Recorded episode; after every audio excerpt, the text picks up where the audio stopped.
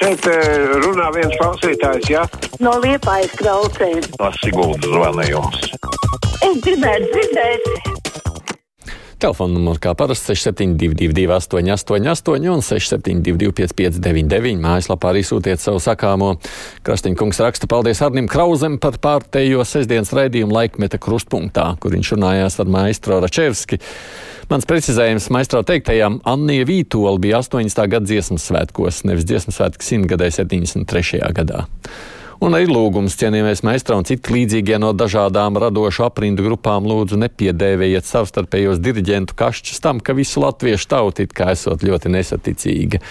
Šo mantru ļoti patīk atkārtot radošo profesiju pārstāvjiem, kur laikam lielāka konkurence un tad līdz ar to lielāka rīvēšanās. Un viedokļu dažādība nav jāsauc uzreiz par kašķīgumu vai kā citādi neglaimojošu. Neiksim Krauskungam turpmākajos raidījumos.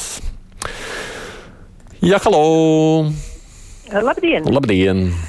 Ziniet, es nesaprotu, kur notiek olimpiāde. Vai viņi notiek Pekinā vai Beņģingā?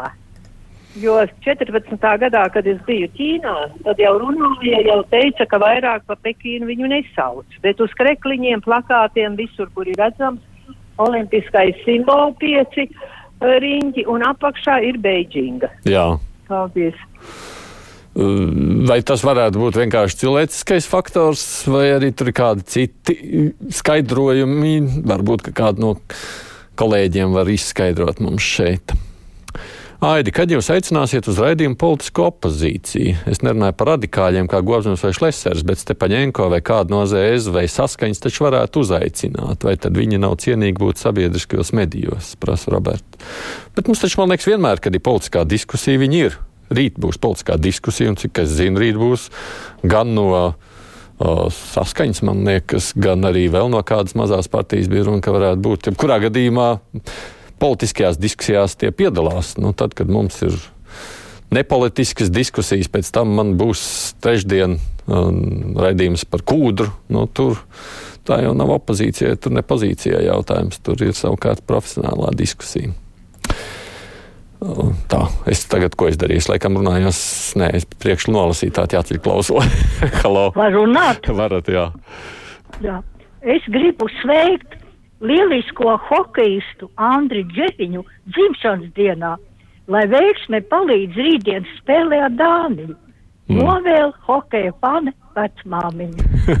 Paldies par interesantu un jauku sveicienu. Sveiciens meža īpašniekiem savukārt Kārls raksta par valsts meža dienas neiedzīgo reformu. Šobrīd jau daudz meža īpašnieki ir neapmierināti ar to, ka nav pieejams mežziņu konsultācijas mežā. Kādi vēl nepatīkami pārsteigumi gaidāmi? Uzaiciniet, lūdzu, kaut kad uz kruspunktiem meža dienas vadītāju Stašāni Koļegovu, saka Kārlis. Labi, jūs, aicin, jūs rosinājums aicināt, liekam aiz auss. Halo! Labdien! Labdien! Es par ziemas ceļiem gribētu parunāt. Jā. Ar ko tad viņi atšķirās? Nu, tas A, B, C, kā teiksim, tās kategorijas tie ceļi. Tad, ja mums iznāk, ka ceļu nodoklis ejāmaksā pēc kategorijām, ir nevis pēc, pēc kaut kādas vienotas cenas, teiksim, tāpat tās kā A, A maksā, tā B, tā C maksā. Tā jau visur tad nav vienāda taisnība. Nu, tajā pašā laikā ir skaidrs, ka mēs nevaram visu uzreiz un vienmēr. Tā jau ir bijusi. Jums jau arī savā brīdī ir droši vien prioritāte, kad jūs kaut ko varat pirmo izdarīt un pēc tam otro un trešo. Nu, patīkams vai nē, droši vien jau tas būs neizbēgami vienmēr. Jā, es jau gribētu, ka tik līdz uzsniegtā viss jau ir jau notīrīts un vienas stundas laikā. Labdien, kādi gaišreģi vai Pauļots zina, kad beigsies pandēmija, vai Baidens, kad sāks karu? Anna prasa. Neveiksies mums ar šādā gaišredzību. Halo! Labdien, Aidi! Labdien! Nu, redziet, latviešu tautas iznīcināšana jau iegājas tādā fāzē, kad mēs jau par abedīšanu runājam kā par biznesu, uh, kuram ir nepieciešama pēļņa, un atcerēsimies latviešu tautas teicienu, uh, mans tēvs taisa līčus, bet zārkus taisa es.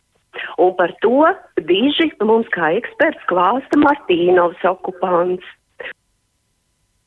Es gan nezinu, kādā ziņā jūs domājat par peļņu. Es varbūt ne līdz galam visu jūsu domu uztvēru, bet attiecībā uz apbedīšanu, nu, tā tas ir tajā brīdī, kad jūs kādam vai nu firmai lūdzat, lai viņi apbeda, tad kādam par to ir jāsamaksā. Un tas, kurš to strādā, nopelna naudu. Apbedīšana tiešām ir padārgs prieks. Dienu sankcijas jāpiemēro arī Baltkrievijai, jo mācības notiek arī uz šīs zemes, un viss iet roku rokā, saka Jānis. Tur jau sankcijas ir. Šobrīd jau jaunas sankcijas neviens nerosina par to, kamēr karš līdz tam, kamēr karš nav sācies. Cerībā uz to, ka tas, protams, arī nesāksies. Halo! Labdien! Labdien. Man tāds savdabīgs jautājums. Saka, ka mums elektrību mēs saražojam uz 70% apmērā savējo, vai ne? Nu, jā, atkarībā laikam, no laika apstākļiem un uh, brīža, nu, kad jā, tas nu, notiek. Nu, jā. tur, šur, tur. Bet kādēļ tad mums tagad ir patērētājiem jāmaksā par kaut kādām biržas cenām sa, par savējo elektrību?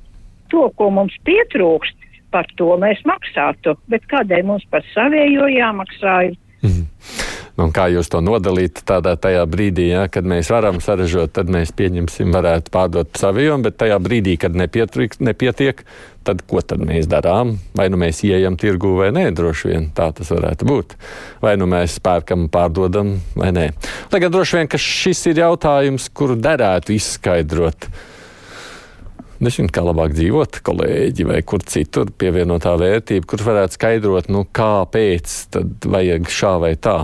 Es arī negribētu uzņemties par lielu ekspertu. Te arī vēl viena klausītāja raksta par šo te Martīno kremācijas biznesa uzplaukumu, par to informējot šajā laikā.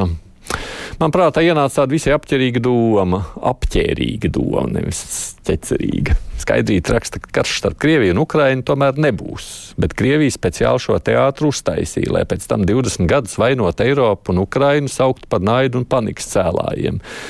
Tā Krievija cer, ka būs, kas tam tic. Tā viņi paslaucīs arī zem tepiņa savus īstos nedarbus un noziegumus. Nu, Tā doma jau nemaz netika zemē metama. Šo jau arī daudzi apspēlē, kā, ko īsti Krievija ar šo panāk. Arī šāda veida nu, paniku ceļot, ja nebūs karš. Halo! Lūdzu! Nerunāsit! Labdien! Nā, labdien, tomēr! Ir, es, es piekrītu, ka tā Ukraina cilvēki nāk uz šejieni, bet ar kādiem līdzekļiem viņi iztiks. Ja mēs bēgļus uzņemsim tādā ziņā, ja Jā, jā, domājat, jā, jā, lai nāk. Daudzi māju tukšu, daudzi skolu tukšu ir, eh, daudz iestādes ir tukšas, lai tikai nāk. Bet eh, kas viņus baros, viņiem tak savas naudas nebūs cilvēkiem. Nu, gan jau arī atskaits varbūt ar savu naudu sākotnēji, bet nu, runājot jau par to, kā jebkuri bēgļi sākotnēji, jau mēs zinām, mēs viņus izmitinām, dodam bēgļu statusu un tad cerams, ka viņi atradīs gan vietu, kur īrēt jā, mājokli, gan vietu, kur var strādāt. Un, un tikmēr sevi uzturēt, kamēr nav iespēja doties atpakaļ. Bet, nu, tiešām cerams jau, ka tas tā nebūs. Krievija visā pasaulē ir raša vai tam līdzīga, vai tam līdzīga, bet mums lūk Krievija. Igaunija, mums citur pasaulē Estonija, mums Pekina, citur Bežīga un tā tālāk. No šīs pēdējās laikam to neattieksies. Tie iepriekšējie, jā, tādā veidā droši vien savas valodas vēsturiskās īpatnības. Halo! Jā, labdien! Labdien! E, jā, man divas lietiņas. Nu. E, Pirmkārt, jau, kad Polijā bija daudz tie pārbēdzēji, ja tad robežu šķērstotāji, tad katru vakaru rādīja žurnālisti arī no Latvijas aizbraukuši, rādīja, kas tur notiek pie polijas robežas. Tagad mums ir, kā teikt, daudz to pārbeidzēju, mums tikai savus skaitļus pasaka un viss, bet, piemēram, nu, kaut vai Latgals tā reģiona televīzija, tak varēja kaut ko uh, priekš panorāmas, kaut kādu sižetiņu atsūtīt, kas tad tur īsti notiek. Nu, Es sapratu, bet man liekas, ka es personiski atceros nereizi vien redzētus nu, tad, tad reportāžus no pierobežas. Pie pašas robežas jau, kā jūs zināt, žurnālists nelaiž Latvijā jau daudz mēnešus. Līdz ar to var tikai tur, kur var piekļūt. Tajā pašā laikā nu, nekādas jau mums drāmas pašlaik arī nenotiek. Tie cilvēki jau tiek aizvirzīti atpakaļ un līdz tai vietai, kur žurnālisti var nonākt, jau nenonāk. Tā kā īsti tur, ko reportēt, pašlaik nebūtu. Pekina ir latviešu valodas eksonīms ķīniešu Beidžina, jeb Ziemeļu galvaspilsēta. Tāpat latviešu Edinburga ir eksonīms Skotu Edinberai. Hmm. Juris man zinātniski skaidro šo tematiku. Halo! Halo! Tā, tajā brīdī droši vien nevarēšu parunāt, tur pārlieku liela atbalsts. Jā, lūdzu! Labdien! Labdien. Radio, jā? Jā, lūdzu! Klausāties mani! Klausos gan, jā. Vot jūs runājat par politiku, jā? A man ir viens tāds jautājums. No. E, mani bija ātri aizveduši uz uh, traumatoloģijas slimnīcu, jā? Jā. Un man izmeta no turienes laukā. Vēl naktī atļauju pārgulēt ratiņkrēslā no rīta izmet laukā. Un, uh, lai es braucot uz uh, to tur, uz Gailzeru, pie uh, mikrohirurga. Labi, ka man atbrauca pakaļ un atveda mājās ar ratiņkrēslu. Jā, ko es lai jums atbildu šo? Tā īstenībā ir nu, ne jau tikai jūsu problēma.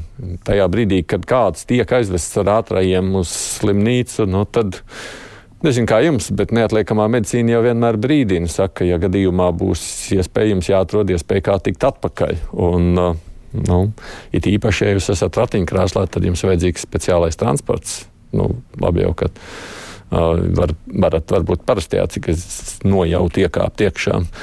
To, cik tas ir pareizi vai nepareizi, un vai mums varētu atļauties kādreiz domāt par finansēšanu, arī nokļūšanu no slimnīcas mājās. Mm. Es jau labprāt par to diskutētu. Es nezinu, ko tas īsti finansiāli nozīmē un cik šis jautājums kādreiz ir aktualizēts Latvijā. Un te vaicāja par gaišredzību. Juris raksta, neesmu gaišredzis, bet domāju, ka karš sāksies 22. februārī. Nu, Latvija tas tikai skārs, ka paliksim bez gāzes. Citādi karš te nebūs. Nu, Jūri, jūs neesat tikai gaišredzis, jūs esat liels pesimists. es tā to varētu nosaukt tā pacelt klausulis vairs nepaspēšu. Labdien, reforma un ļoti būtiska, sistemātiska ir ārkārtīgi nepieciešama maž, meža dienestā. Raksta Kalniņas kundze, labi, ka beidzot vecās izkurtējušās sistēmas ledus ir lausts un reforma tiek virzīta. Un valsts meža dienesta ģenerāldirektors Tašāni ir jau vairāk kārt skaidrojusi reformas būtību gan radio, gan televīzijā. Norē. Tā saka Kalniņas kundze. Nē, nu, es domāju, attiecībā savukārt uz uh, amatpersonu stundu, nu, kad mēs šeit aicinām amatpersonas krustpunktā, viņa arī būtu aicināma. Man liekas, ka viņa nav bijusi vismaz pēdējā laikā noteikti. Nē. Bet paldies visiem, kas rakstījāt vai arī zvanījāt. Nu, ziņas, un tad savukārt mums būs priekšā lielā intervija.